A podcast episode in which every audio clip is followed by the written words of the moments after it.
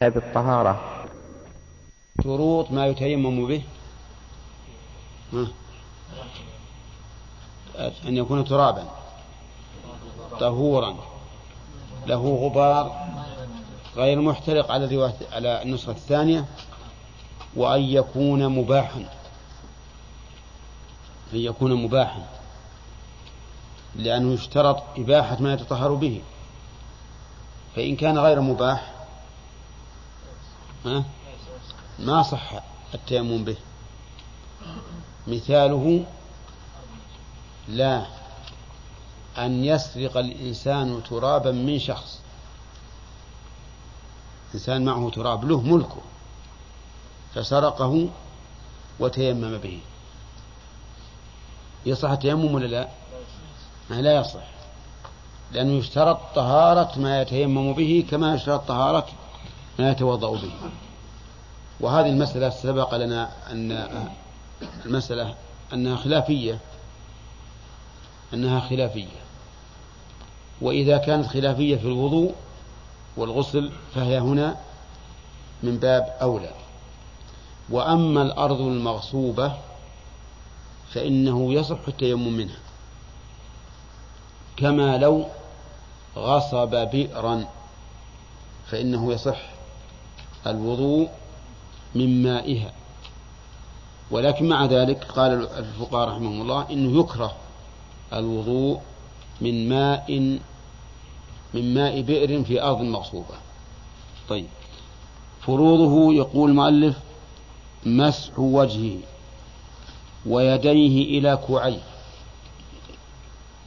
مسح وجهه ويديه.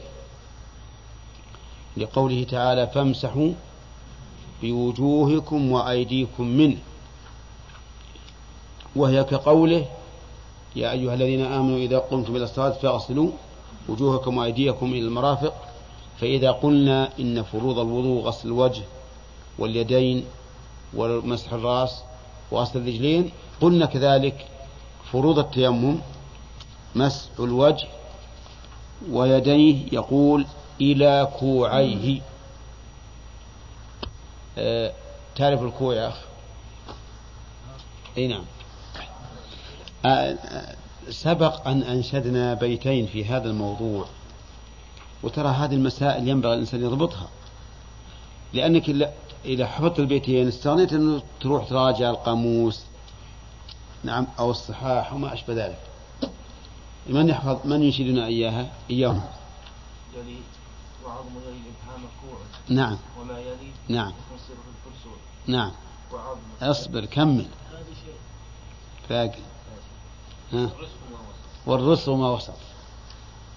طيب كمل بالثاني. وعظم يلي إبهام رجل مرقب نعم. أسمعتم؟ طيب أقوله وعظم يلي الإبهام يلي الإبهام كوع. وما يلي؟ هذا الشطر الأول. لخنصره الكرسوع والرسغ ما وسط. هذا اللي يلي الإبهام. وهذا الذي يلي الخنصر. شفته هذا. والرسغ اللي بينهما ما وسط. لا أبدا. وعظم يلي إبهام رجل ملقب ببوع فخذ بالعلم واحذر من الغلط. ها, ها؟ يلي إبهام رجل ملقب ببوع فخذ بالعلم واحذر من الغلط. وينه؟ فخذ بالعلم واحذر من الغلط. احذر أن تقول الكوع كرسوع والكرسوع كوع. طيب. إذا ويديه إلى كوعين ما هو الدليل أن اليدين إلى الكوعين؟ لأن بعض العلماء يقول يمسح إلى المرفقين. نقول الدليل أن الله عز وجل يقول فامسحوا بوجوهكم وأيديكم منه. واليد إذا أطلقت فالمراد بها الكف. بدليل أن الله عز وجل لما قال في السارق والسارقة فاقطعوا أيديهما من تقطع يد السارق؟ ها؟ من مفصل الكف. هذا هذا من القرآن. من السنة. حديث عمار بن ياسر. أنه أصابته جنابة وهو في سفر. فتمرغ في الصعيد كما تتمرغ الدابة. ثم جاء إلى رسول الله صلى الله عليه وسلم فأخبره فقال إنما كان يكفيك أن تقول بيديك هكذا. وضرب بيديه الأرض ومسح الكفين فقط ولم يمسح الذراع. فعندنا دليل من القرآن ومن السنة على أن الفرض يختص بال... بالكو... بال... بإيش؟ باليدين إلى الكوعين. وذهب بعض أهل العلم إلى أن التيمم إلى المرفقين. واستدلوا بحديث ضعيف. التيمم ضربتان. ضربة للوجه وضربة لليدين إلى الكفين إلى المرفقين. واستدلوا أيضا بقياس قياس التيمم على الوضوء. فنقول في الرد على هذا القول أما الحديث فضعيف وشاذ. مخالف للأحاديث الصحيحة الدالة على أن التيمم ضربة واحدة وأنه إلى الكوع فقط. وأما القياس فهو ضعيف من وجهين.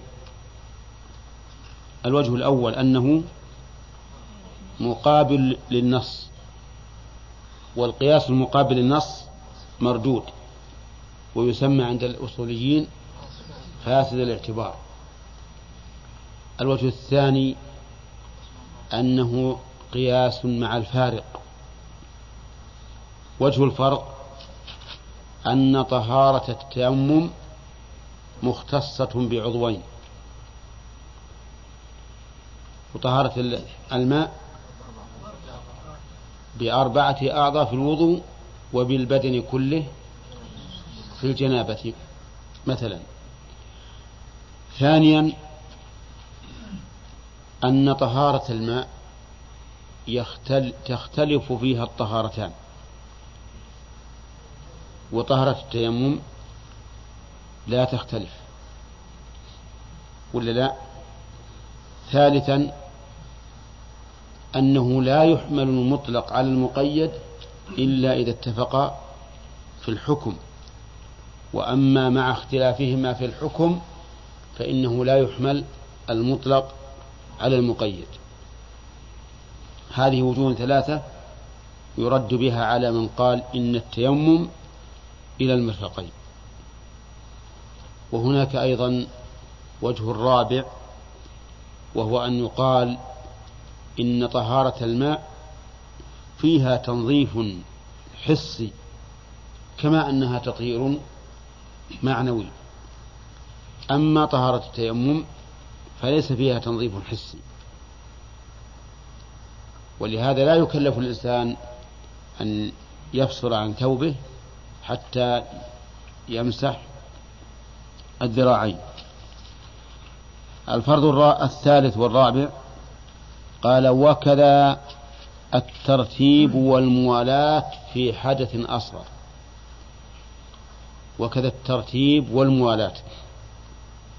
الترتيب بأن يبدأ بالوجه قبل اليدين. لأن الله قال فامسحوا بوجوهكم وأيديكم. فبدأ بالوجه فالترتيب أن نبدأ بالوجه. ثم اليدين.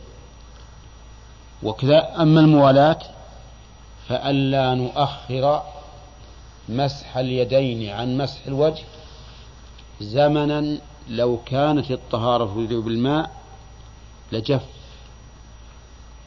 الوجه قبل أن يطهر اليدين.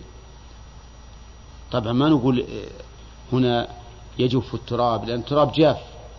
لكن لو قدرنا أنه ماء لجف قبل أن يتيمم على اليدين فإن التيمم هنا إيش؟ يصح ولا لا؟ لا يصح. لماذا؟ ما هو الدليل؟ قالوا الدليل لأن طهارة التيمم بدل عن طهارة الماء. والبدل له حكم مبدل. فلما كان الترتيب في الوضوء والموالاة في الوضوء لما كان واجبين كان واجبين كذلك في التيمم عن الحدث الأصغر. أما في الأكبر لو تيمم الإنسان عن جنابه حسين لو تيمم عن جنابه وبدأ بمسح الكفين قبل مسح الوجه. ها؟ يجوز؟ يجوز. يقولون لأن الجنابة ما فيها ترتيب. ولكن الذي يظهر أن نقول إن الترتيب إما واجب في الطهارتين وإما غير واجب في الطهارتين. لأن الله سبحانه وتعالى جعل التيمم بدلا عن الطهارتين جميعا والعضوان للطهارتين جميعا. أي نعم. والله أعلم. هذا اليوم وهو سورة النساء. آية النساء ما فيها منه. فتيمموا صعيدا طيبا فامسحوا وجوهكم وأيديكم إن الله كان عفوا غفورا. وآية النساء سبقت آية التوبة بسنوات. سبقتها بسنوات. المائدة قصدي المائدة بسنوات. وأيضا الرسول عليه الصلاة والسلام ثبت في رواية في البخاري أنه لما ضرب بيده الأرض في حديث عمار نفخ فيهما. والنفخ يزيل يزيل الغبار وأثر التراب. وهذا أيضا دليل على أنه لا يجب. فهذه ثلاثة أوجه تدل على أن من ليست لا ليست التبعيض ولا يراد بها أن يكون التراب لا لازقا باليد حتى يمسح به الوجه. فإن قال قائل مثلا ما هو الحكمة في أنها تذكر من؟ مع أن فيها هذا الإشكال. قال بعض العلماء لأن هذا بناء على الغالب بناء على الغالب ولا سيما في الحضر. ولكن هذا فيه نظر لأن كثيرا من البلدان ولا سيما بلاد العرب كلها رمل كلها رمل. لكن الأوجه الثلاثة اللي ذكرناها هي التي تبين المراد. طيب وقد تكون أجزاؤها واجبات كما في التشهد الأول في الصلاة وكما في الرمي في الحج وما أشبه ذلك. فتبين بهذا أن أجزاء العبادة منها ما يكون ركنا ومنها ما يكون واجبا ومنها ما يسمى بدل الركن يسمى فرضا. طيب هنا قالوا بأنه فرض فيهما قالوا لأن الرسول صلى الله عليه وسلم قال إنما كان يكفيك ويكلم يكلم من؟ عمار وهو جنب وهو جنب أن تقول بيديك هكذا وفعل التيمم فعل التيمم مرتبا ومتواليا. قالوا والقياس على الحدث الأكبر في الماء قياس مع الفارغ لأن الحدث الأكبر البدن كله آه عضو واحد فاطهروا وهذا عضوان. ولا شك أن الأحوط أن الأحوط هو الموالاة. إذ يبعد كل البعد أن نقول إن الرجل الذي تيمم في أول الصبح وضرب ومسح وجهه وعند الظهر مسح كفيه يبعد كل البعد أن نقول أن هذه هي صورة التيمم المشروعة. فالأولى أن يقال إن الموالاة واجبة في الحدثين جميعا. نعم. مبتدأ درس اليوم. وتشترط النية لما يتيمم له. تشترط النية لما يتيمم له. والشرط في اللغة العلامة. الشرط في اللغة العلامة. ومنه قوله تعالى فهل ينظرون إلا الساعة أن تأتيهم بغتة فقد جاء أشراطها أي علاماتها. أما في اصطلاح الأصوليين فالشرط هو الذي يلزم من عدمه العدم ولا يلزم من وجوده الوجود. الذي يلزم من عدمه العدم ولا يلزم من وجوده الوجود. والسبب هو الذي يلزم من وجوده الوجود ومن عدمه العدم. والمانع هو الذي يلزم من وجوده العدم ولا يلزم من عدمه الوجود فهو إذن عكس الشرط عكس الشرط. طيب انتبه الشرط ما هو؟ في اللغة العلامة. وفي اصطلاح الأصوليين ما يلزم من عدمه العدم ولا يلزم من وجوده الوجود. فالوضوء مثلا شرط لصحة الصلاة. يلزم من عدمه؟ عدم صحة الصلاة. وهل يلزم من وجوده وجود صحة الصلاة؟ لا. لو توضأ الإنسان قد لا يصلي. طيب. أما قولها النية فالنية لغة القصد. وأما شرعا فهي فهي الإرادة الجازمة على فعل الشيء. الإرادة الجازمة على فعل الشيء تسمى نية. ومحلها القلب ولا تعلق لها باللسان إطلاقا. ولهذا لا ينبغي النطق بالنية لا سرا ولا جهرا. خلافا لمن قال إنه يشرع النطق بالنية سرا ليوافق اللسان القلب أو قال يسن النطق بالنية جهرا لإظهار الشعيرة وقياسا على الحج حيث قال الرسول عليه الصلاة والسلام لبيك عمرة وحجا والصواب أن النية لا يشرع التلفظ بها لا سرا ولا جهرا لا في الحج ولا في غير الحج. حتى بالحج لا يشرع أن تقول اللهم إني أريد الحج أو اللهم إني أريد العمرة لأن هذا لم يرد عن النبي عليه الصلاة والسلام لكن تلبي بما قصدت. لبيك عمرة وحجا أو لبيك حجا أو لبيك عمرة. طيب النية. ثم أعلم أن النية نيتان. نية للتمييز والتعيين ونية للاحتساب والثواب. والأهم ها؟ الثاني. الثاني أهم. الثاني أهم. وما أكثر ما ننسى. هذا الثاني. أكثر ما ننوي النية التي للتمييز والتعيين. نويت تتوضأ نويت تصلي الظهر نويت تصلي العصر وما أشبه ذلك. لكن نويت أن أفعل ذلك امتثالا لأمر الله ومتابعة لرسول الله هذا قليل قليل جدا. يعني يندر أن الإنسان يفتح الله عليه عند فعل العبادة ويقصد بها ذلك. مثلا عندما أريد أن أتوضأ هل أنا أستحضر قول الله عز وجل يا أيها الذين آمنوا إذا قمتم إلى الصلاة فاغسلوا وجوهكم وأنني كأني أقول سمعا لك يا ربي وطاعة ثم أشرع في الوضوء؟ ها؟ أي هذا قليل. يعني قد يوجد أحيانا يفتح الله علينا ونذكر هذا. لكن أكثر أحيانا ما ما نذكر هذا. هل نشعر أننا حينما نفعل هذا الشيء اللي هو الوضوء كأننا نشاهد الرسول عليه الصلاة والسلام يتوضأ على هذا النحو ونحن متبعون له في ذلك؟ هذا أيضا قليل.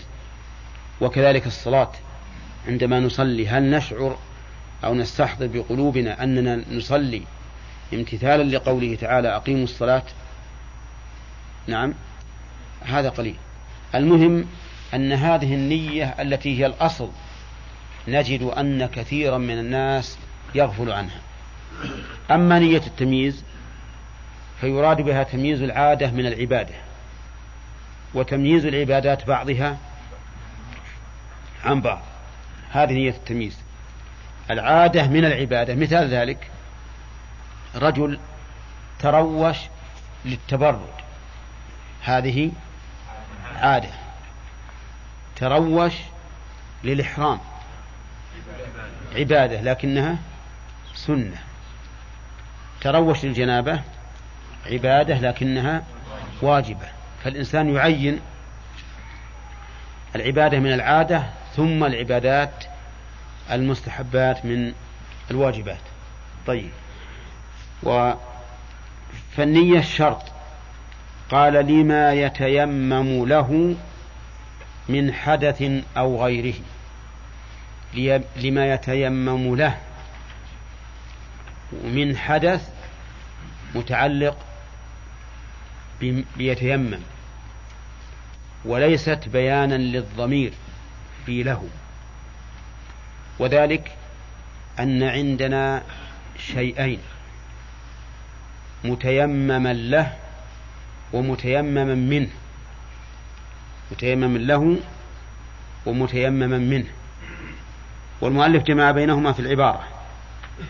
قال لما يتيمم له من حدث. فذكر الأمرين المتيمم له والمتيمم منه.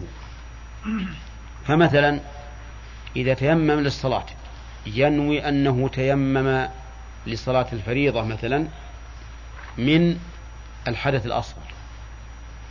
تيمم لصلاة الفريضة من الحدث الأكبر. لا بد من الأمرين. لماذا؟ لأن طهارة التيمم استباحة على المذهب. ولا يستبيح الأعلى بنية الأدنى. فلهذا اشترط أن يعين ما تيمم له.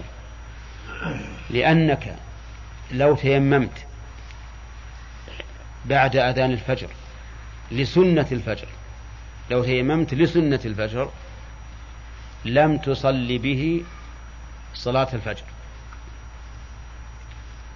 ليش؟ لأن الفرض أعلى من النفل ولا يستباح أعلى باستباحة أدنى والمذهب كما مر أن التيمم مبيح لا رافع. طيب لو تيمم لصلاة الفجر صلى به سنة الفجر؟ ليش؟ لأنه أعلى. طيب لأنه أعلى. فإذا لا بد أن ينوي نيتين. نية ما يتيمم له لنعرف ما يستبيح به بهذا ما يستبيحه بهذا التيمم.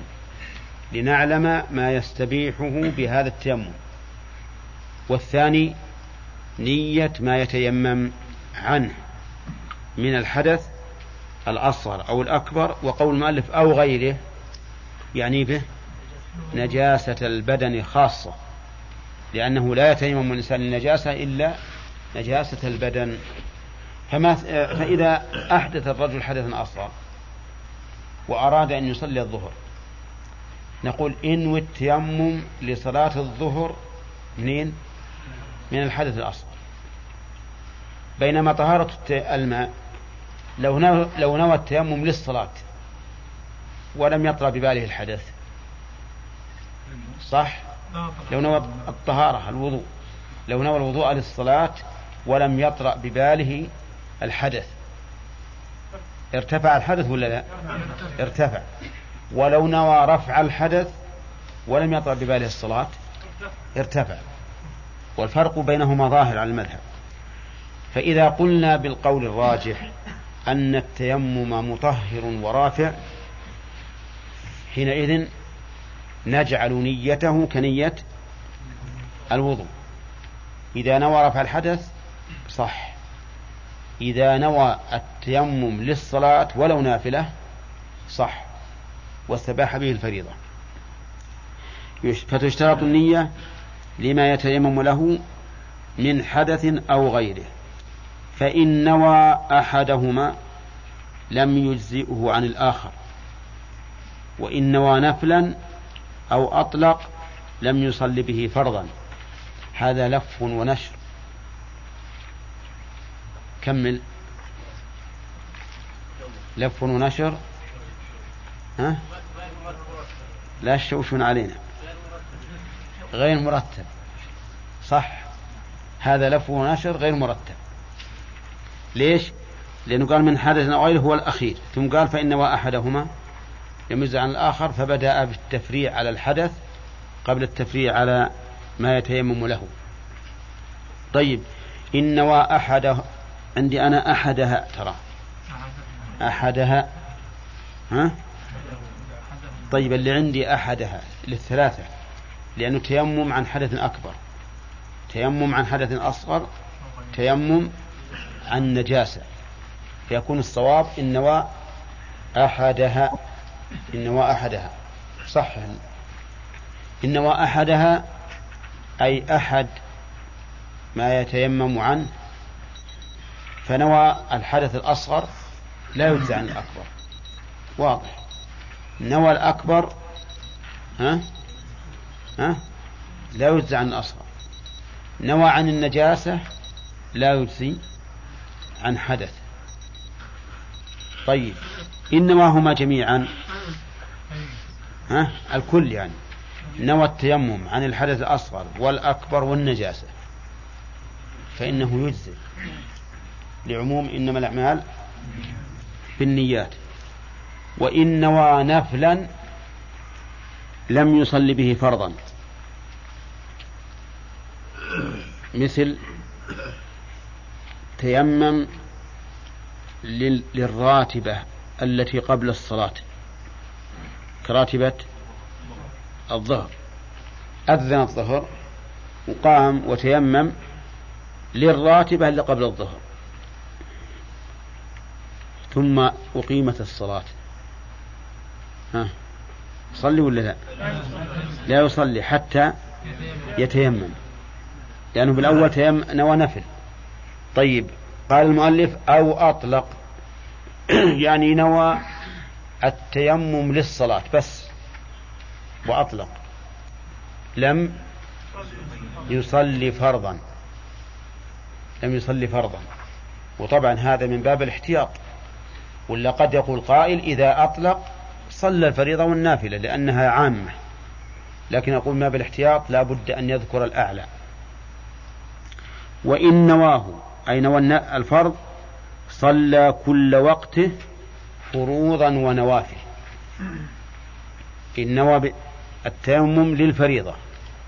صلى ها؟ فرائض ونوافل كل وقته كل وقت الصلاة يصلي فرائض ونوافل. فإن قلت نوافل معقول مفهوم. يمكن يصلي عدة نوافل في وقت الظهر لكن فرائض. فروضا كيف؟ الجمع. أو يقضي فوائد. الجمع أو يقضي فوائد. ممكن ولا لا؟ ممكن. وقول المؤلف كل وقته أي وقت الفريضة أو وقت الفرض. أما قال لم يصلي به فرضا قال نوى كل وقته فروضا. كل وقته أي وقت الفرض فروضا ونوافل وليس المعنى كل وقت الإنسان لأنه سيأتينا أن إن التيمم يبطل بخروج الوقت. لكن كل وقته أي وقت الفرض. فروضا ونوافل. وإنما نص على ذلك لأن بعض السلف يقول إنه يتيمم لكل صلاة كل ما سلم من صلاة تيمم للأخرى. لكن هذا ضعيف والصواب ما قاله المؤلف. نعم. فرق إن التراب تراب والرمل رمل. يعني ما كل ما كله لا لا. التراب هذا ال ال ال الذي يكون منه الطين. التراب الذي يكون منه الطين. هنا حتى الرمل لو كان فيه غبار ما يصلح إلا على المذهب إذا قصد الغبار فقط. نعم. وش لو تيمم بفريضة. إيه. طبعا يصلي كل وقت فروضا نعم. لكن هل يقرأ القرآن؟ اي نعم. إلا اي القاعدة عندهم أن من نوى الأعلى استباح ما دونه ولا عكس. لكن هذا الآن نوى ما يتيمم, يتيمم له وما تيمم له. إيه؟ وهو الصلاة. ولم ينوي قراءة القرآن. قراءة القرآن مما يتيمم له. أي نعم. مما يتيمم له. ويسامح ها؟ ما يخالف. كما أنه لو تيمم لو تيمم للصلاة صل طاف بذلك. طاف بذلك. وصلى صلاة الجنازة وسجد للتلاوة.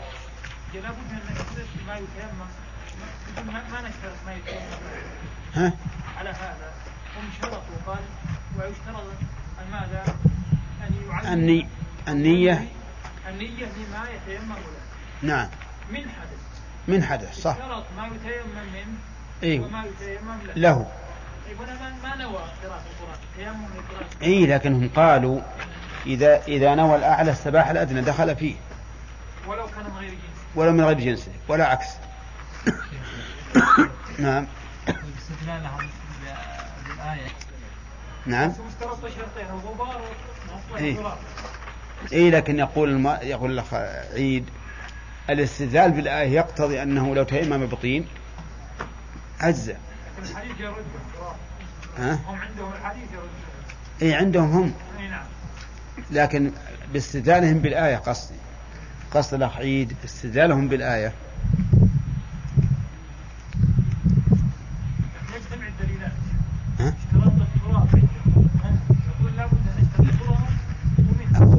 في الحقيقة كلام لأجل يلزمهم.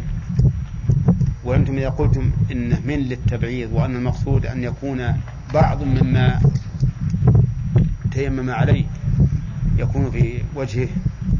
يقول يلزم يلزمكم أن تقولوا بهذا. بأنه يتيمم يأخذ الطين الرابص مرة يضرب يديه ولطخ وجهه. نعم. فنقول هذا هذا صحيح لازم لهم لكنه في الواقع السنة ترده السنة ترده ويدل على رده أن الرسول نفخ بيديه في حديث عمار في البخاري نفخ بهما. وهو دليل أيضا على أنه ليس المقصود من ذلك أن يعفر الإنسان وجهه بالتراب. وهذا اللازم. نعم.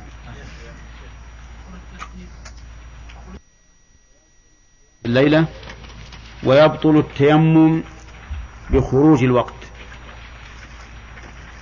يبطل التيمم بخروج الوقت. حتى وإن لم يحدث. فإذا تيمم لصلاة الظهر مثلا لم آه، بطل وضوءه آه، بطل تيممه فلا يصلي به العصر. بطل تيممه فلا يصلي به العصر. لماذا؟ قالوا لأن هذه استباحة ضرورية. فتتقدر بقدر الضرورة. فإذا تيمم للصلاة فإن التيمم يتقدر بقدر وقت الصلاة. لأنها ضرورة فتتقيد بقدر الضرورة. هذا تعليله إلا أنه يستثنى من ذلك إذا تيمم لصلاة الظهر التي يريد أن يجمعها مع صلاة العصر فإن التيمم لا يبطل بصلاة بخروج وقت الظهر. لأن لأن وقت المجموعتين أو واحد.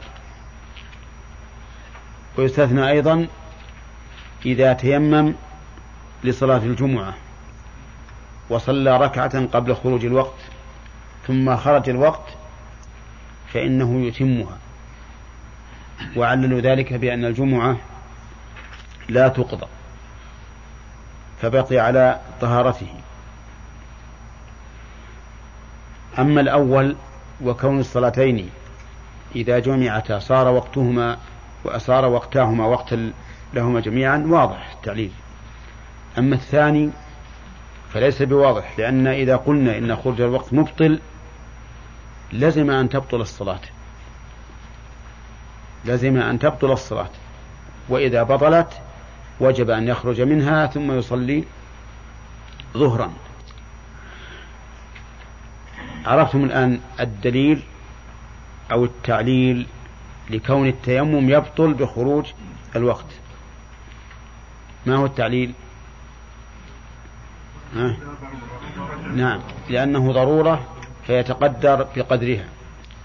وهذا التعليل كما تشاهدون تعليل عليل. ليس بصواب. ولهذا الصحيح أن التيمم لا يبطل بخروج الوقت.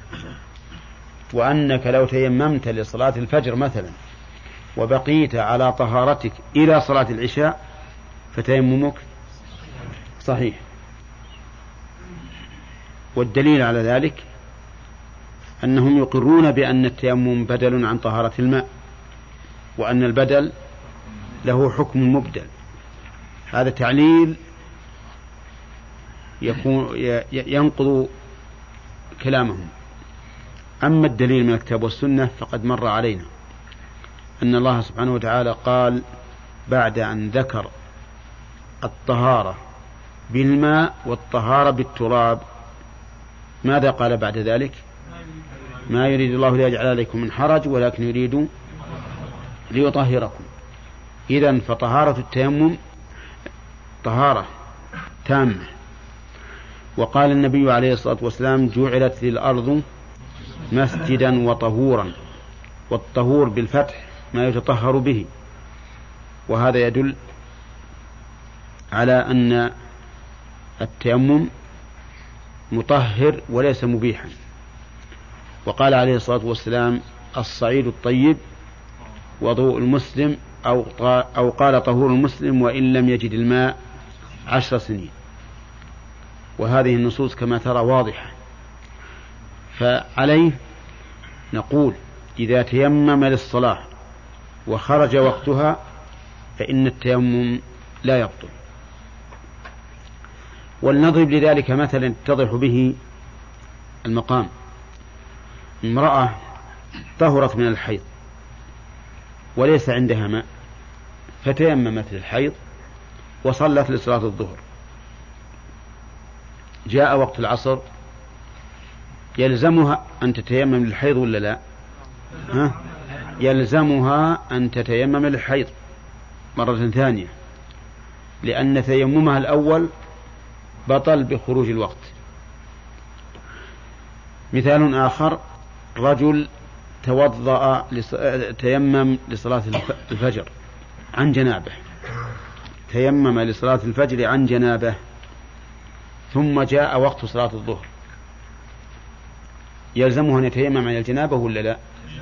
يلزمه لأن التيمم الأول بطل بخروج الوقت مع أنه لم يحصل له جنابة بعد ذلك لكن يقولون إنه يبطل بخروج الوقت. وعليه فإذا تيمم لصلاة الظهر لزمه أن ينوى بالتيمم رفع الحدثين. الأصغر أو بالعبارة أصح لنوافق المذهب لزمه أن ينوي بتيممه استباحة الصلاة من إيش؟ من الحدثين. والصحيح أن التيمم لا يبطل بخروج الوقت. وبناء على ذلك ففي المسألة الأولى مسألة الحيض. هل يلزم المرأة أن تعيد التيمم للحيض؟ لا ما يلزمها حتى تحيض مرة ثانية. ولا يلزم من أجنب أن يعيد التيمم عن الجنابة حتى يجنب مرة ثانية. هذا هو القول الراجح. قال المؤلف ويبطل أيضا بمبطلات الوضوء. يعني بنواقض الوضوء. لأن مبطلات ألو... لأن نواقض الوضوء هي مبطلاته. فإذا تيمم عن حدث أصغر ثم بال أو توضأ. ثم بال أو تغوط. ها؟ بطل تيممه. لماذا؟ عللوا ذلك رحمهم الله. قالوا لأن البدل له حكم مبدل. هكذا عللوا. والغريب أنهم يعللون بهذه العلة ثم ينقضونها. ثم ينقضونها. ولهذا القول الراجح أن هذا البدل له حكم مبدل مطلقا في كل شيء. إذا يبطل التيمم عن الحدث الأصغر بمبطلات الوضوء وعن الحدث الأكبر بموجبات الغسل الحدث الأصغر بموجبات الأكبر بموجبات الغسل. وهذا واضح والتعليل فيه ظاهر جدا. قال وبوجود الماء. بوجود الماء إذا كان تيممه لعدم الماء فإنه يبطل بوجود الماء وإن كان تيممه عن مرض فإنه لا يبطل بوجود الماء ولا لا؟ ها؟ لأنه يجوز أن يتيمم مع وجود الماء لكن بماذا يبطل؟ بالبر يبطل بالبر إذا كان عن مرض فإذا كان هذا الإنسان مثلا اغتسل عن الجنابة حصل عليه جنابة وهو مريض ثم تيمم فإذا برئ من مرضه وجب عليه أن يغتسل لزوال المبيح وهو المرض. طيب قال المؤلف ولو في الصلاة بوجود الماء ولو في الصلاة. هذه إشارة خلاف لأن العلماء إذا ذكر إذا نصوا على الشيء وهو داخل في العموم السابق دل ذلك على أن فيه خلافا احتاجوا أن يشيروا إليه. انتبهوا لقاعدة التصنيف. إذا كان هذا إذا كان هذا الحكم داخلا في العموم لكن نصوا عليه بخصوصه فهو دليل على أن فيه خلافا. لأنه لأن قوله ولو في الصلاة داخل في عموم قوله يبطل بوجود الماء يعني لو سكت المؤلف ولم يقل ولو في الصلاة ثم وجد الماء في الصلاة. ماذا تقولون؟ قلنا يبطل لأن كلام المؤلف عام. لكن لما نص عليه قال ولو في الصلاة فلا بد أن أن يكون هناك سبب. ليش نص عليه؟ لأن في المسألة خلافا. فقد ذهب كثير من العلماء على إلى أنه لا يبطل التيمم بوجود الماء إذا كان في الصلاة. نعم. وهو رواية عن الإمام أحمد رحمه الله. لكن قد قيل إنه رجع عنها. وقال كنت أقول لا يبطل فإذا الأحاديث تدل على أنه يبطل. فهذان قولان. نحتاج الآن إلى أن نعرف أيهما أرجح. فنقول الذين قالوا بأنه يبطل التيمم بوجود الماء ولو في الصلاة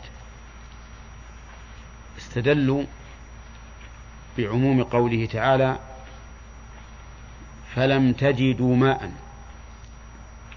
وهذا الإنسان وجد ماء.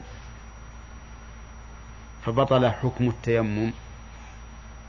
وإذا بطل حكم التيمم بطلت الصلاة. لأنه يعود إليه حدثه فتبطل الصلاة. واستدلوا أيضا بعموم قوله عليه الصلاة والسلام فإذا وجد الماء فليتق الله وليمسه بشرته. قالوا وهذا الآن وجد الماء. وجد الماء فإذا وجد الماء وجب عليه أن يمسه بشرته وهذا يقتضي أن يبطل التيمم. واستدلوا أيضا بتعليل تعليل وهو أن التيمم بدل عن طهارة الماء متى؟ عند فقده. عند فقده. فإذا وجد الماء زالت البدلية. زالت البدلية فيزول حكمها.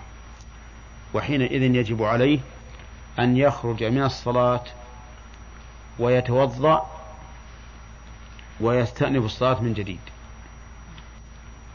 عرفتم الآن؟ أما الذين قالوا بأنه إذا كان في الصلاة لا يبطل التيمم قالوا لأن هذا الرجل شرع في المقصود والغاية وهي الصلاة لأنه تيمم للصلاة يتوضأ لإيش؟ للصلاة فقد شرع الآن في المقصود والغاية. لما شرع في المقصود والغاية فقد شرع فيها على وجه مأذون فيه شرعا. ولا لا؟ وهي فريضة. والفريضة لا يجوز الخروج منها إلا بدليل واضح أو ضرورة. وهنا ليس هناك دليل واضح لأن الأحاديث السابقة قد يراد بها إذا وجد الماء قبل أن يشرع في الصلاة. وإذا وجد الاحتمال بطل الاستدلال. ثانيا أن الله عز وجل يقول ولا تبطلوا أعمالكم. ولا تبطل أعمالكم. والصلاة التي هو الآن فيها عمل صالح ابتدأه بإذن شرعي. فكان شرعيا لا يجوز إبطاله إلا بدليل. وهنا ليس هناك دليل واضح يبيح له أن أن يبطله. وهذه المسألة مشكلة. آه، مشكلة جدا لأن لأن العمل بالاحتياط فيها متعذر. أولى إن قلت الأحوط القول بالبطلان. جاءك بأن الأحوط القول بالبقاء على الفريضة. أو أو أن الأحوط أن لا تخرج من الفريضة. نعم. فحينئذ لا بد أن يتأمل الإنسان النصوص والأدلة حتى يكون على بينة من أمره.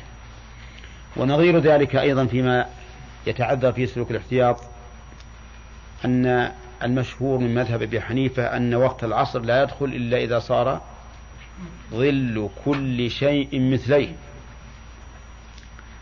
وجمهور العلماء على أن وقت العصر يخرج إذا صار ظل كل شيء مثليه يعني يعني الوقت الاختياري. فحينئذ ما هو الأحوط؟ ها؟ مشكل. لا بد من ترجيح. إن قلت الأحوط أن تؤخر حتى يصير ظل كل شيء مثليه كنت عند الجمهور آثما. وإن قلت الأحوط أن تقدم كنت عند أبي حنيفة ومن يرى رأيه آثما. لأنك ما أديت الفريضة. وحينئذ يبقى الأمر مشكلا. لابد أن أن ننظر بإمعان وتدقيق أي القولين أسعد بالدليل. والذي يظهر لي والله أعلم أن المشهور من المذهب أقرب للصواب لأن هذا وجد الماء وقد قال النبي عليه الصلاة والسلام إذا وجد الماء فل فليتق الله وليمسه بشرته. أما إذا وجد الماء بعد الصلاة فيقول المؤلف لا بعدها. فإذا وجد الماء بعد الصلاة فإنه لا يلزمه الإعادة. والدليل ما رواه أبو داود وغيره في قصة الرجلين اللذين تيمما ثم صليا. وبعد صلاتهما وجد الماء في الوقت. أما أحدهما فلم يعد الصلاة. وأما الثاني فتوضأ وأعاد الصلاة. فلما قد يعني عدم الإعادة لماذا؟ أي نعم. لكن إذا قال قائل أنا أبي الأجر مرتين. نقول إنك إذا علمت بالسنة فليس لك أجر مرتين. بل تكون بعد ذلك مبتدعا. لكن الذي أعاد لم يعلم بالسنة فهو مجتهد فصار له أجر العملين. العمل الأول والعمل الثاني. أما بعد أن يتبين لك السنة تروح تبي تعمل عمل آخر غير مشروع فليس لك الأجر مرتين. نعم. طيب ومن هذا الحديث يتبين لنا فائدة مهمة جدا وهي أن موافقة السنة أفضل من كثرة العمل. موافقة السنة أكثر أفضل من كثرة العمل. فلو قال قائل أنا أريد أن أتطوع بعد أذان الفجر أي بين الأذان وإقامة والإقامة. أنا أريد أن أتطوع وأكثر من النوافل. قلنا له الأفضل أن لا تفعل لأن الرسول عليه الصلاة والسلام لم يكن يفعل ذلك. لو قال قائل أنا لا أريد أن أن أتطوع أكثر مما ورد من الركعتين لكن أريد أن أطيل الركعتين.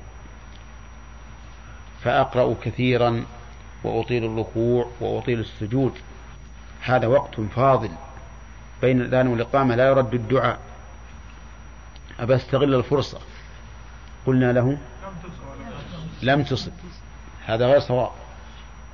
لأن الرسول عليه الصلاة والسلام كان يخفف هاتين الركعتين. وهكذا نقول في الصلاة خلف مقام إبراهيم. لو أراد أحد أن يتطوع بأربع ركعات بعد الطواف خلف المقام قلنا هذا خطأ.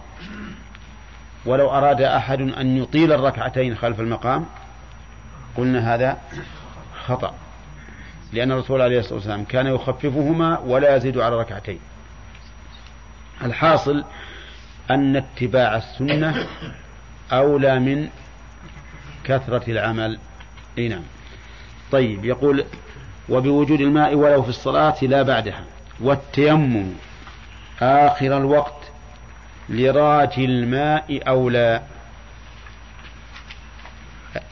التيمم مبتدأ.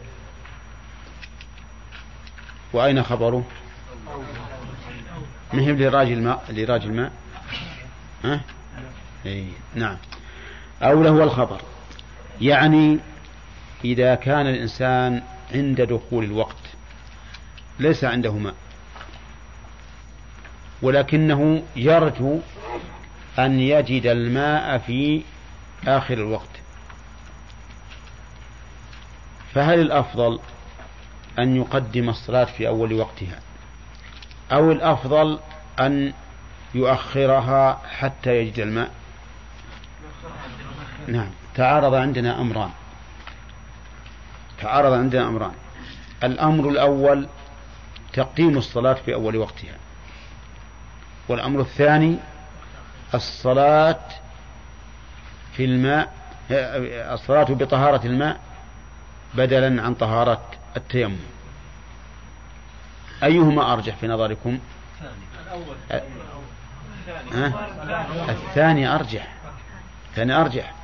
لأن الثاني فيه محافظة على شرط من شروط الصلاة والطهارة بالماء.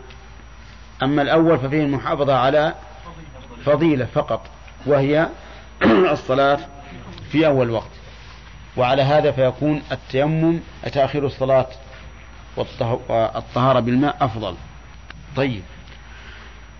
إذا كان يشك في وجود الماء ولا يرجو وجود الماء فأيهما أفضل؟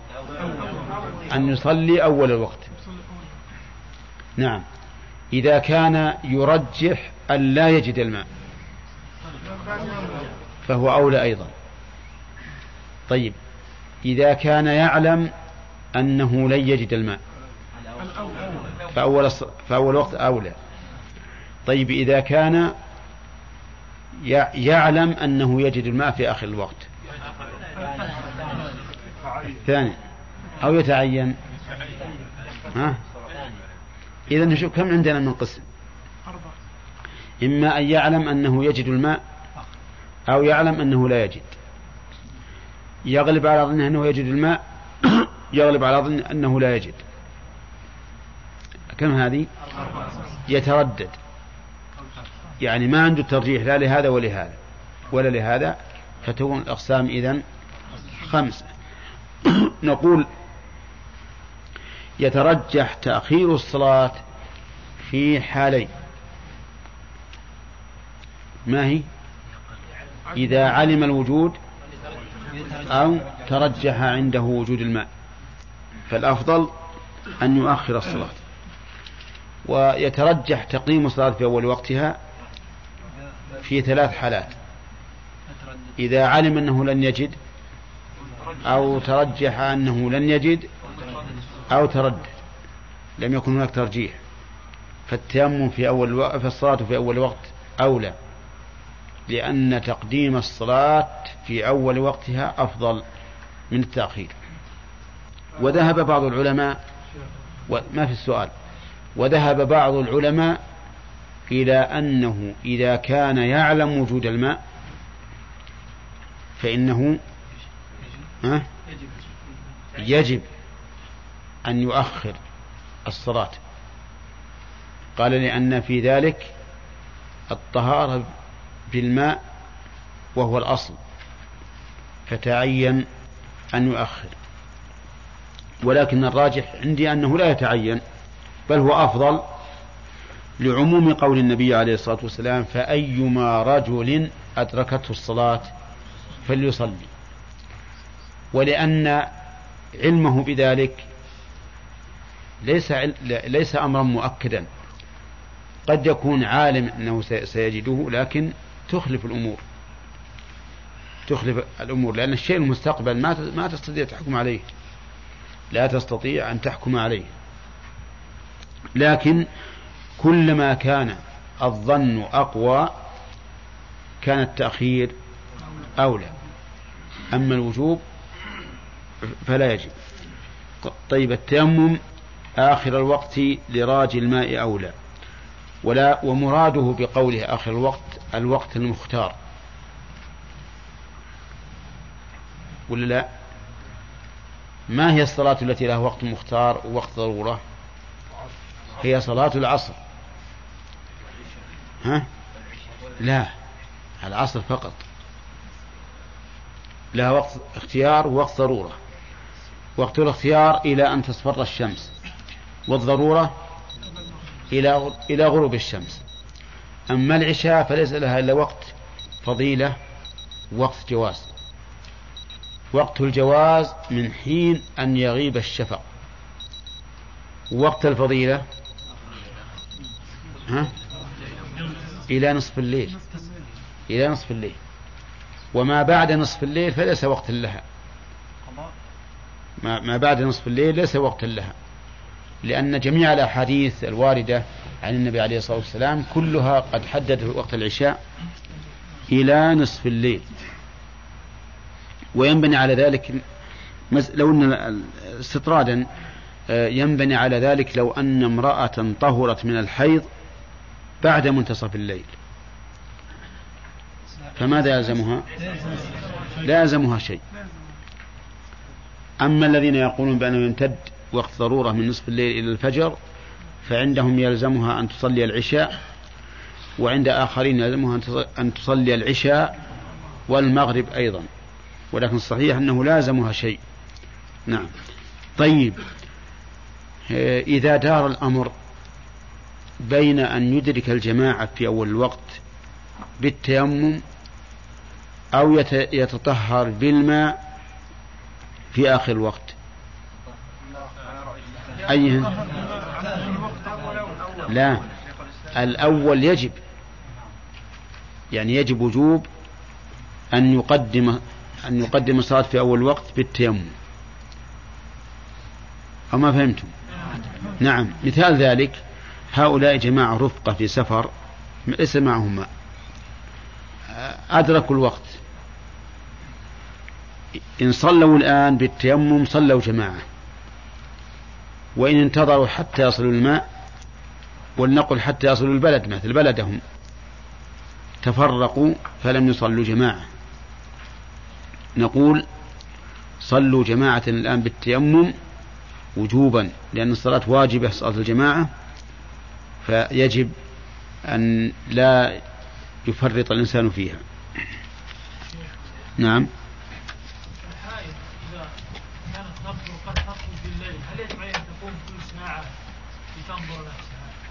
لا. لا يجب عليه. لا أي نعم ترتاح وتنام لأن لأن الأصل بقاء ما كان على ما كان. نعم. ما يطول. ها؟ لكن يقدر مثلا ينزل غترته في الغدير وإذا رويت الماء من الماء رفعها وعصره. يلزمه؟ لا قد ما قال كل عام فيها مشقة إذا كان في برد ها؟ إذا كان الماء بارد اي لا الماء الماء الماء طبيعي لا أقول مثلا عليه مطر مم. والماء بارد وفيه ماء يعني حصل ماء. هل يتوضأ أو يخشى من البرد؟ إن كان يخشى من الضرر لا بأس. إن كان ما يخشى من الضرر كله أجل كان نقول كله أشتى تيمم. لابد يكون بارد نعم. يلزمه يلزمه. يلزم ينزل الغترة و- ويرفعه ويأخذ الماء اللي به. وقيمتها أكثر من الماء. أن يقال إن تيممه الآن صح بمقتضى بمقتضى دليل شرعي. فلا يمكن أن ننقضه إلا بدليل شرعي. فهاتنا دليل شرعي وعلى عين والرأس. وعلى هذا فنكون فنقول ما دام الإنسان باقيا على طهارته فإنه ها؟ على طهارته لا يتيمم إلا إذا وجد ناقض. طيب بسم الله الرحمن الرحيم.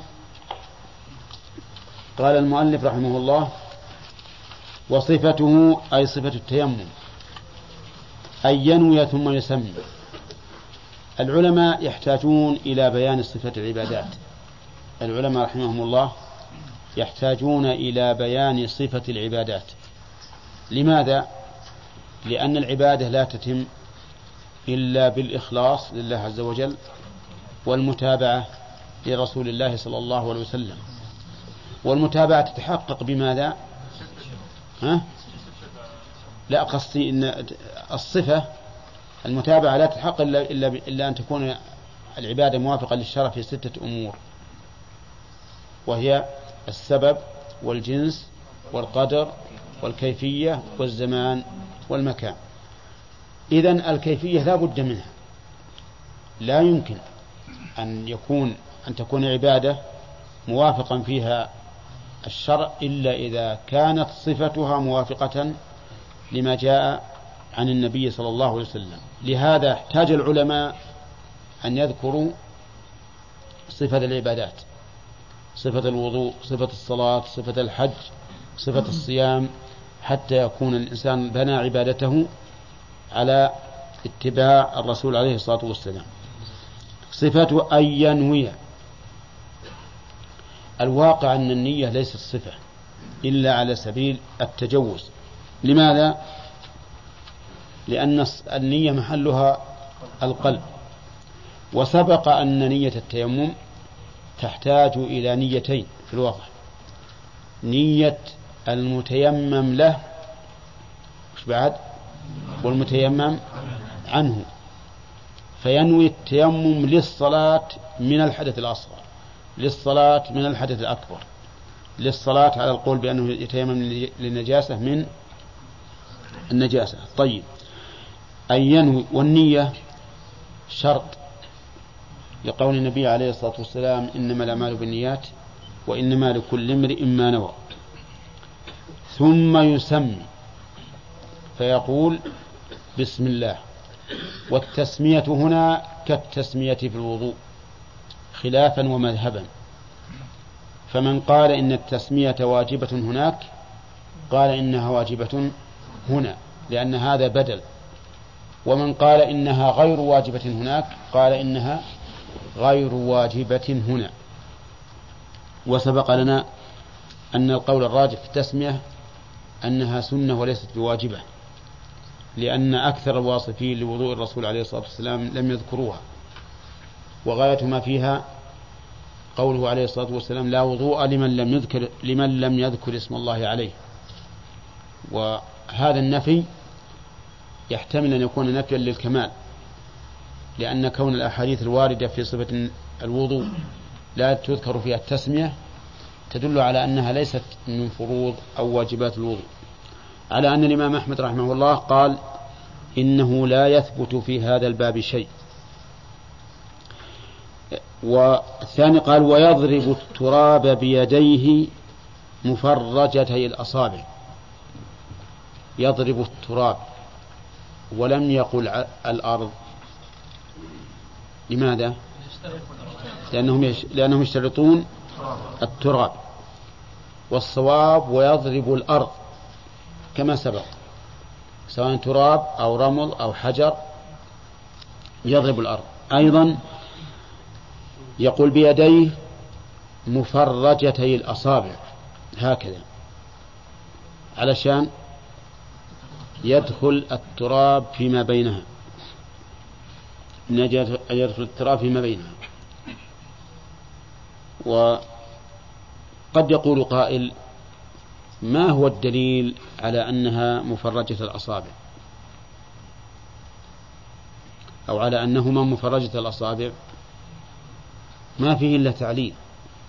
ولو نظرنا إلى ظاهر الأحاديث الواردة عن الرسول عليه الصلاة والسلام لقلنا إنه لا لا ينبغي ذلك. لأن الأحاديث الواردة عن الرسول ضرب بيديه الأرض ولم تذكر أنها كانت مفرجة. وطهارة التيمم كما نعلم جميعا مبنية على التسهيل والتسامح وليست كالماء. لكن الفقهاء يرون أنه يجب استيعاب الكفين والوجه بالتراب فلذلك قالوا مفرجته الأصابع. طيب يقول ويمسح وجهه بباطنها. يمسح وجهه بباطنها أي باطن الأصابع. ها؟ لا لا بباطنها. بباطنها أي بباطن الأصابع. فمثلا هو الآن ضرب هكذا يمسح هكذا ها؟ يخلي الراحتين ما يمسح بهن. يمسح بباطن الأصابع. نعم. كذا. وبعدين وكفيه براحتيه.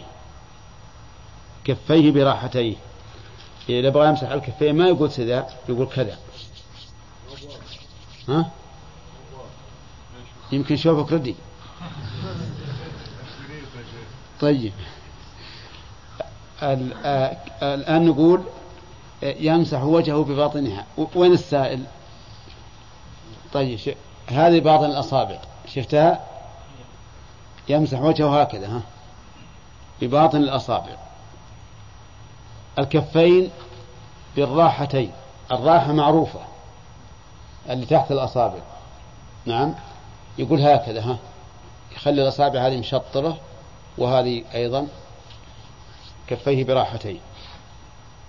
لماذا؟ لأنه لو مسح وجهه بكل الكف ثم جاء بيمسح كفيه صار التراب مستعملا. صار التراب مستعملا في طهارة فيكون طاهرا غير مطهر. شوف دقة تعبير العلماء يقول يكون التراب طاهر غير مطهر. عرفتم؟ إذا آه، من يصف لهذا التيمم؟ شرط أنه يقف علشان يوري الآخرين. نعم. يلا عبد الكريم. ها هذه الأرض واضحة. أي أي كمل الوجه. أي طيب. إلا العينين. أي لا نهب الأصابع لا. أي نعم صح. طيب. أحسنت. بارك الله لكن أين الدليل يا شيخ؟ أصبر ما بعد وصلنا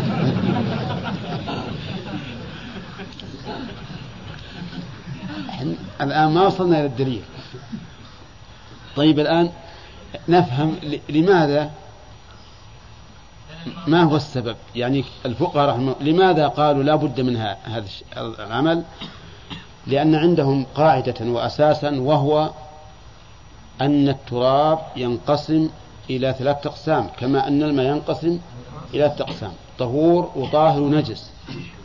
ويقولون إن المستعمل في طهارة واجبة يكون طاهرا غير مطهر.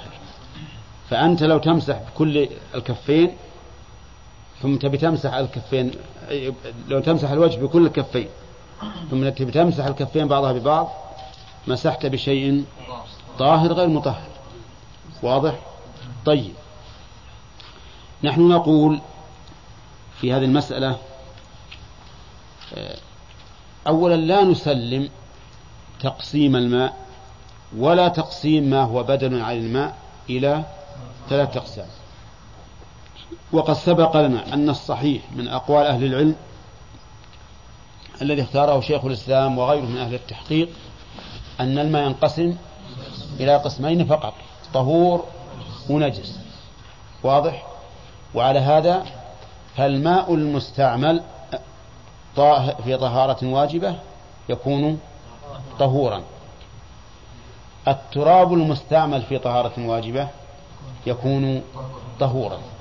وحينئذ فلا حاجة إلى هذه الصفة لأنها مبنية على تعليل عليل غير صحيح. هذا وجه. الوجه الثاني أن نقول ما هو الدليل على ذلك؟ ما هو الدليل؟ ما في دليل. بل بالعكس الدليل على خلافه. فإن الرسول فإن حديث عمار يقول مسح وجهه بيديه بدون تفصيل. بدون تفصيل. نعم. و وظاهر كفيه ووجهه أيضا ما في تفصيل.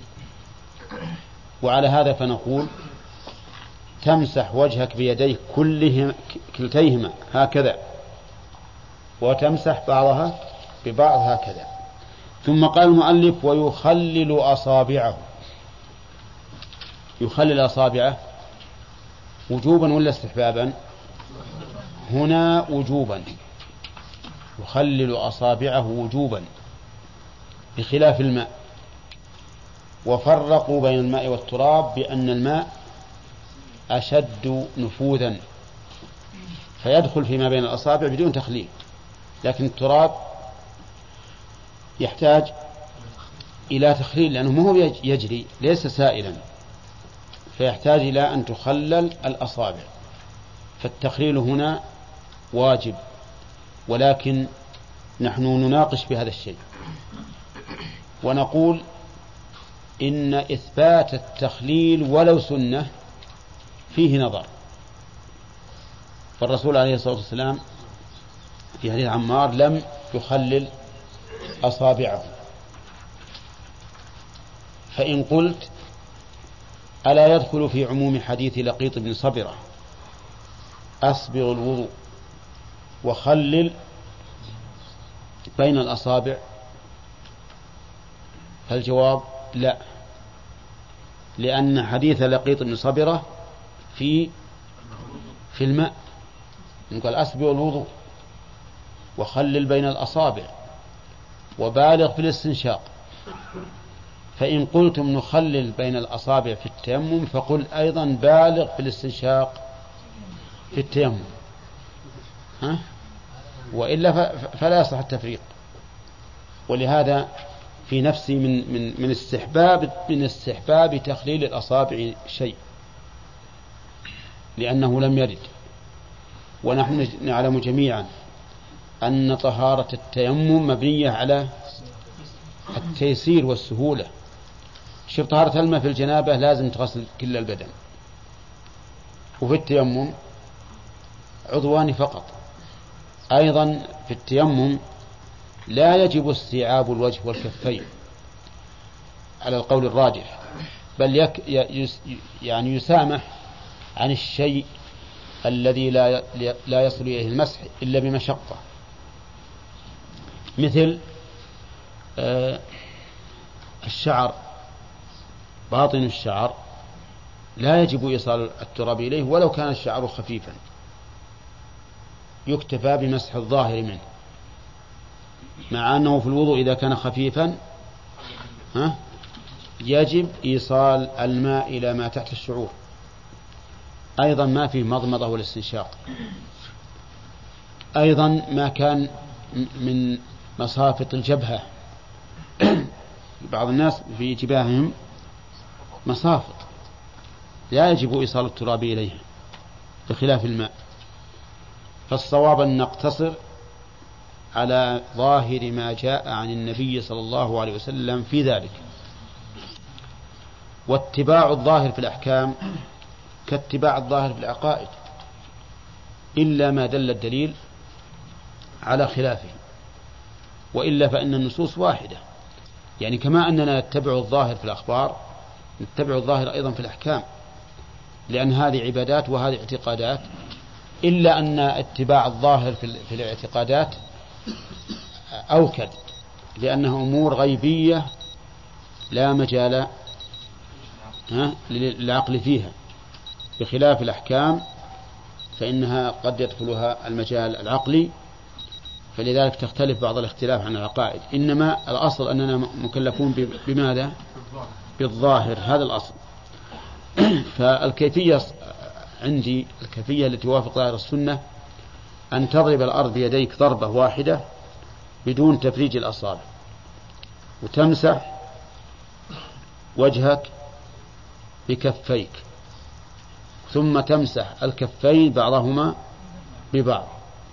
وبذلك يتم يتم التيمم. إي نعم. يا شيخ. ها؟ النفل؟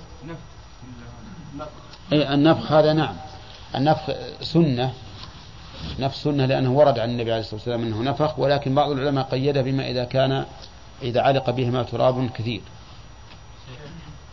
إذا قلنا ذلك إذا التشهد والبسملة.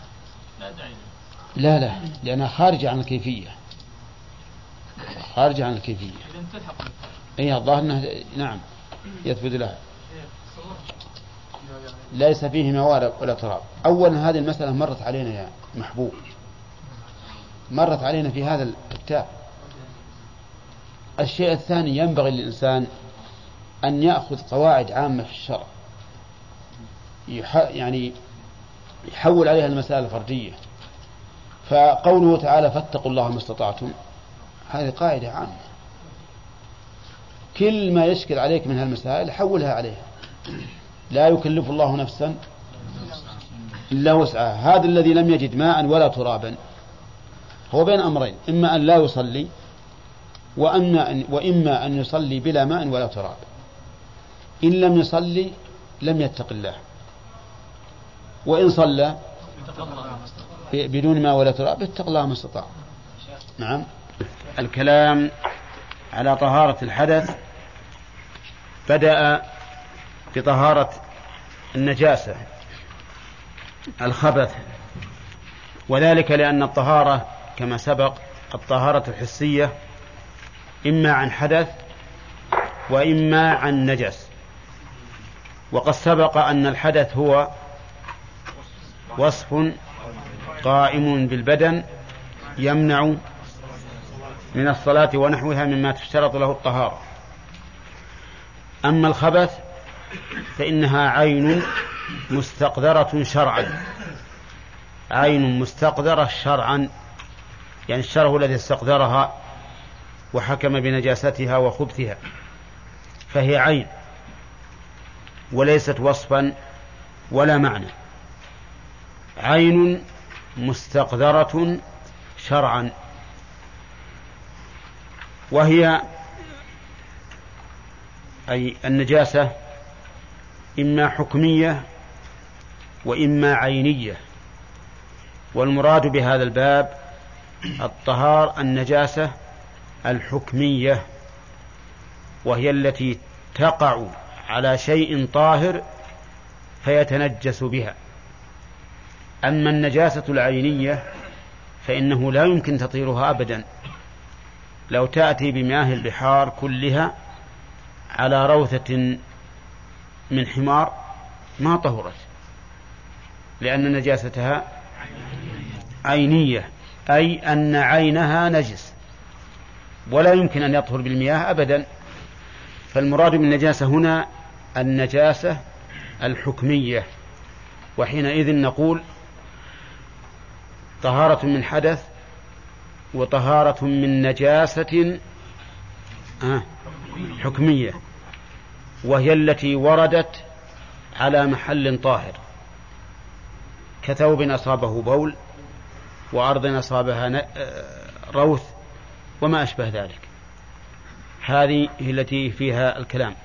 انتبه يا بخاري ولا خلناك آخر واحد. نعم. طيب. إذا النجاسة الحكمية هي إيش؟ ها؟ الواردة على محل طاهر وهي التي الكلام فيها. أما النجاسة العينية فإنه لا يمكن تطهيرها لأنها نجسة بعينها فكيف نطهرها؟ إلا إذا استحالت على رأي على رأي بعض العلماء وعلى المذهب في بعض المسائل كما سيأتي إن شاء الله تعالى. نعم.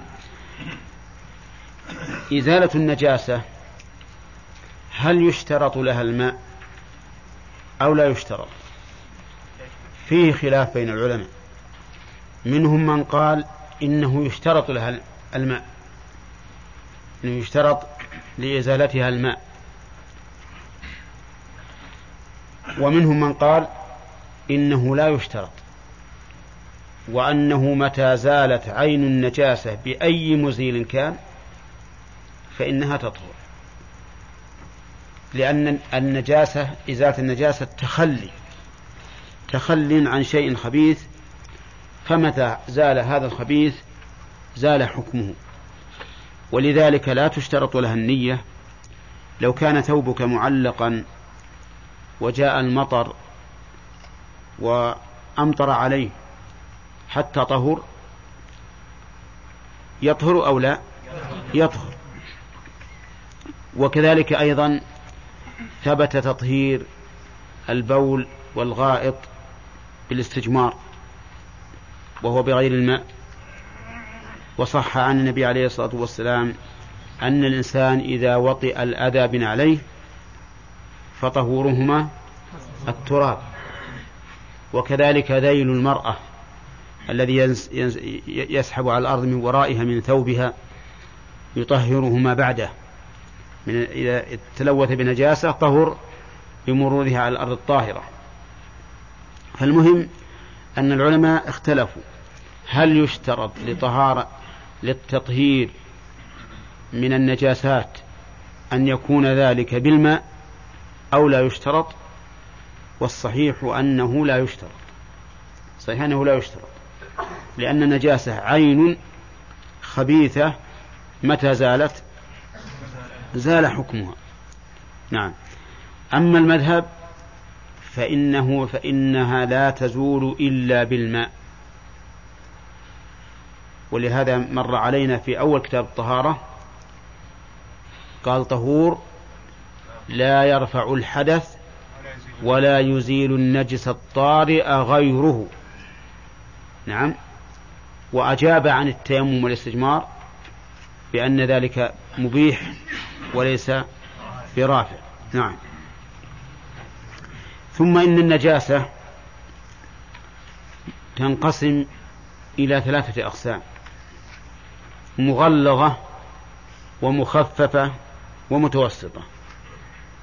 ثلاثة أقسام مغلظة ومخففة ومتوسطة. يقول المؤلف رحمه الله يجزئ في غسل النجاسات كلها إذا كانت على الأرض غسلة واحدة تذهب بعين النجاسة. وهذا تخفيف باعتبار الموضع. الموضع الذي طرأت عليه النجاسة هذا إذا كان أرضا فإنه يشترط, يشترط لطهارته أن تزول عين النجاسة. أيا كانت النجاسة. نعم. بغسلة واحدة. فإن لم تزل إلا بغسلتين فغسلتان. أو بثلاث فثلاث. نعم. لكن إذا زالت بغسلة واحدة ولو من كلب فإنها فإن ذلك يجزي. دليل ذلك قول النبي صلى الله عليه وسلم حين بال الأعرابي في المسجد. قال أريقوا على بوله سجلا من ماء أو قال ذنوبا من ماء. ولم يأمر بعدد بل قال أريقوا عليه بولا سجلا من ماء. فدل هذا على أن النجاسة على الأرض يكتفى فيها بغسلة واحدة. حتى وإن كانت نجاسة كلب. وسيأتي إن شاء الله تعالى بيان الفرق بين الأرض وبين غيرها في نجاسة الكلب. طيب هذه أظنها مسألة واضحة. لكن إن كانت النجاسة ذات جرم فلا بد أولا من إزالة الجرم. كما لو كانت عذرة أو كان دما جف فلا بد من إزالة هذا أولا ثم الماء تتبع الماء فإن أزيلت النجاسة بكل ما حولها ما حولها من رطوبة اجتثت اجتثاثا يحتاج إلى غسل ولا لا؟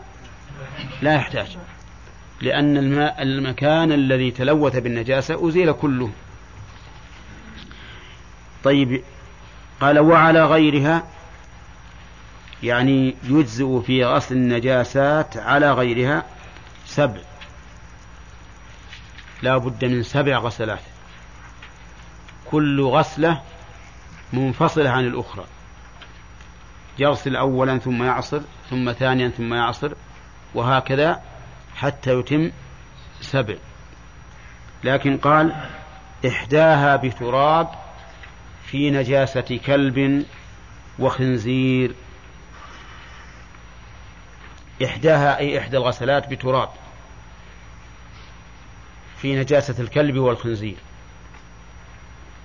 أما الكلب فقد دل عليه النص الثابت في الصحيحين وغيرهما من حديث أبي هريرة وحديث عبد الله بن المغفل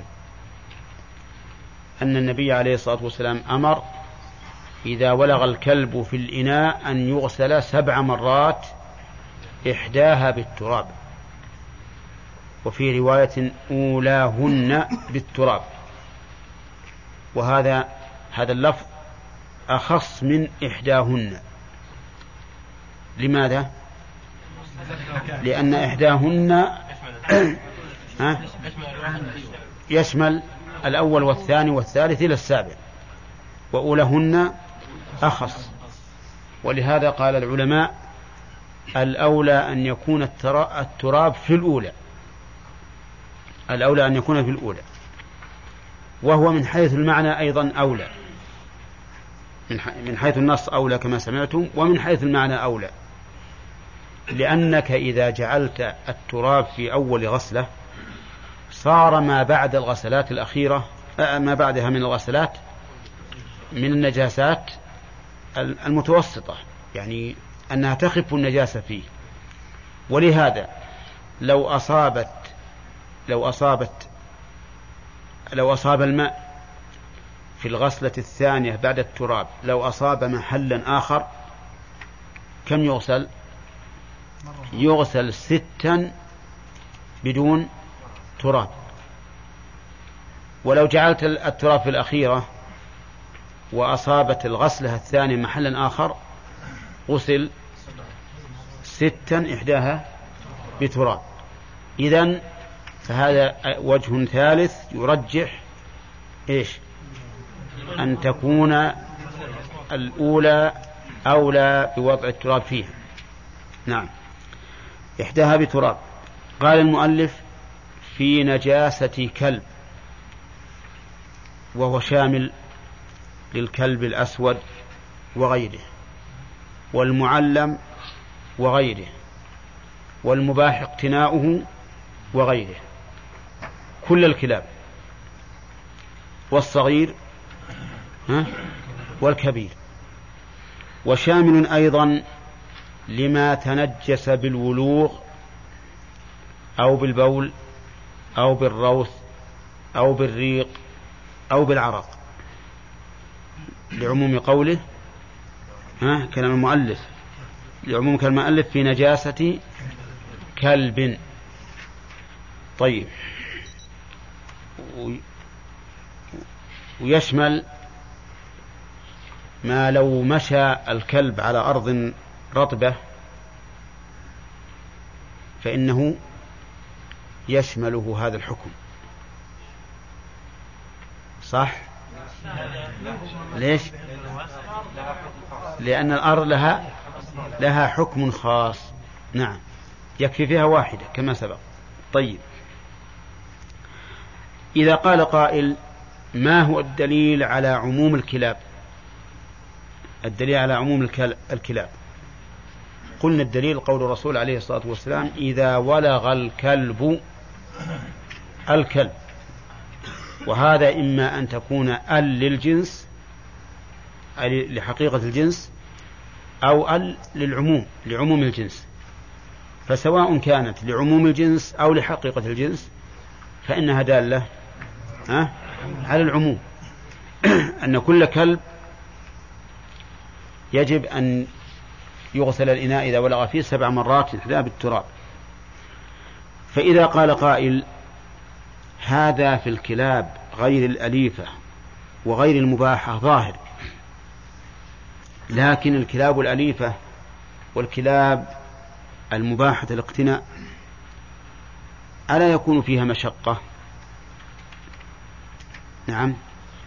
قلنا بلى قد يكون فيها شيء من المشقة لكن هذه المشقة تزول بحماية الكلب عن الأواني المستعملة. بأن يجعل له آنية مخصوصة يكون فيها طعامه وشرابه. يكون فيها طعامه وشرابه. ولا يمكن أن نخرج الكلب الأليف أو الكلب المعلم الذي يباح اقتناؤه.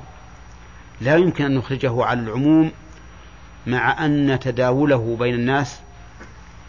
إيش؟ أكثر ولا لا؟ أكثر. لأننا لو أخرجنا هذا من عموم الكلب لكنا أخرجنا أكثر ما دل عليه اللفظ. وهذا غير سديد بالنسبة للاستدلال. وعليه فيكون الكلب عاما في كل شيء. بقي أن يقال إن النبي صلى الله عليه وسلم إنما نص على الولوغ إذا ولغ الكلب. فبأي شيء تلحقون الروث والبول؟ يعني لو قال قائل اقتصروا في هذا على ما ورد به النص على الولوغ فقط. قلنا قد قال بذلك من قال من الظاهرية وقالوا إن هذا الحكم فيما إذا ولغ الكلب. إذا ولغ ولوغا يعني شرب من الإناء. أما بوله وروثه فهو كسائر النجاسات. وطريقتهم في ذلك ظاهرة لأنهم لا يرون القياس. أما الفقهاء فيقولون إن بوله وروثه كولوغه بل هو أخبث. بل هو أخبث. ويكون النص على الولوغ لأن هذا هو الغالب. إذ أن الكلب لا يبول ولا يروث في الأواني وإنما يلغ فيها فقط. فالرسول عليه الصلاة والسلام ذكر ذلك من باب الغالب. وما كان من باب الغالب فلا مفهوم له. فلا مفهوم له. ولهذا تجدون أحيانا من تصرف العلماء يقول هذا قيد أغلبي إيش؟ لا مفهوم له. فيقول أن الرسول عليه الصلاة والسلام ذكر الوضوء دون بقية النجاسات لأنه الغالب. وما كان مبنيا على الغالب فإنه لا يكون له مفهوم ولا يخصص به الحكم. لكن بعض المتأخرين يرجح مذهب الظاهرية لا من أجل الأخذ بالظاهر لكن من أجل امتناع القياس. لأنه لأن من شرط القياس مساواة الفرع للأصل في في العلة حتى يساويه في الحكم. أما أن يقاس هذا على هذا بدون تساوي في العلة فهذا لا يصح. لأن الحكم مركب على إيش؟ على العلة. فإذا اشترك في العلة اشترك في الحكم وإلا فلا. قال بعض المتأخرين والفرق هو أن لعاب الكلب لعاب الكلب فيه أشياء ضارة في الإنسان. دودة شريطية يعني شريطية شريطية مثل الشريط. هذه يقولون إنها في لعابه كثيرة. وإذا ولغ انفصلت من لعابه في هذا الإناء. فإذا استعمله أحد بعده فإن هذه الشريطية الدودة تتعلق بمعدة الإنسان وتخرقها. وأنه لا يتلفها إلا التراب. ولذلك اشترطوا أن تكون الإزالة بالتراب فقط الذي نص عليه الشرع. التراب. ولكن هذه العلة إذا ثبت من الناحية الطبية فهل هي منتفية في روثه وبوله؟ يجب أن ينظر. إذا ثبت أنها منتفية فإن هذا القول يكون له وجاهة. وإلا فإن البقاء على ما ذهب إليه الفقهاء أولى. وهو من الناحية الاحتياطية. ها؟ أولى. لأنه أحوط. فإنك لو طهرته سبعا إحدى بالتراب لم يقل لك أحد أخطأت. ولكن لو لم تطهره قال لك من يقول إنه لا بد من سبع بالتراب إنك أخطأت وإن صلاتك لا تصح. إذا لم تتطهر هذه الطهارة. نعم. إذا نأخذ يعني نتوصل الآن إلى أن الاحتياط أن يلحق بوله وروثه ببلوغه ببلوغه. هذا الاحتياط. وقول المؤلف وخنزير. كلب وخنزير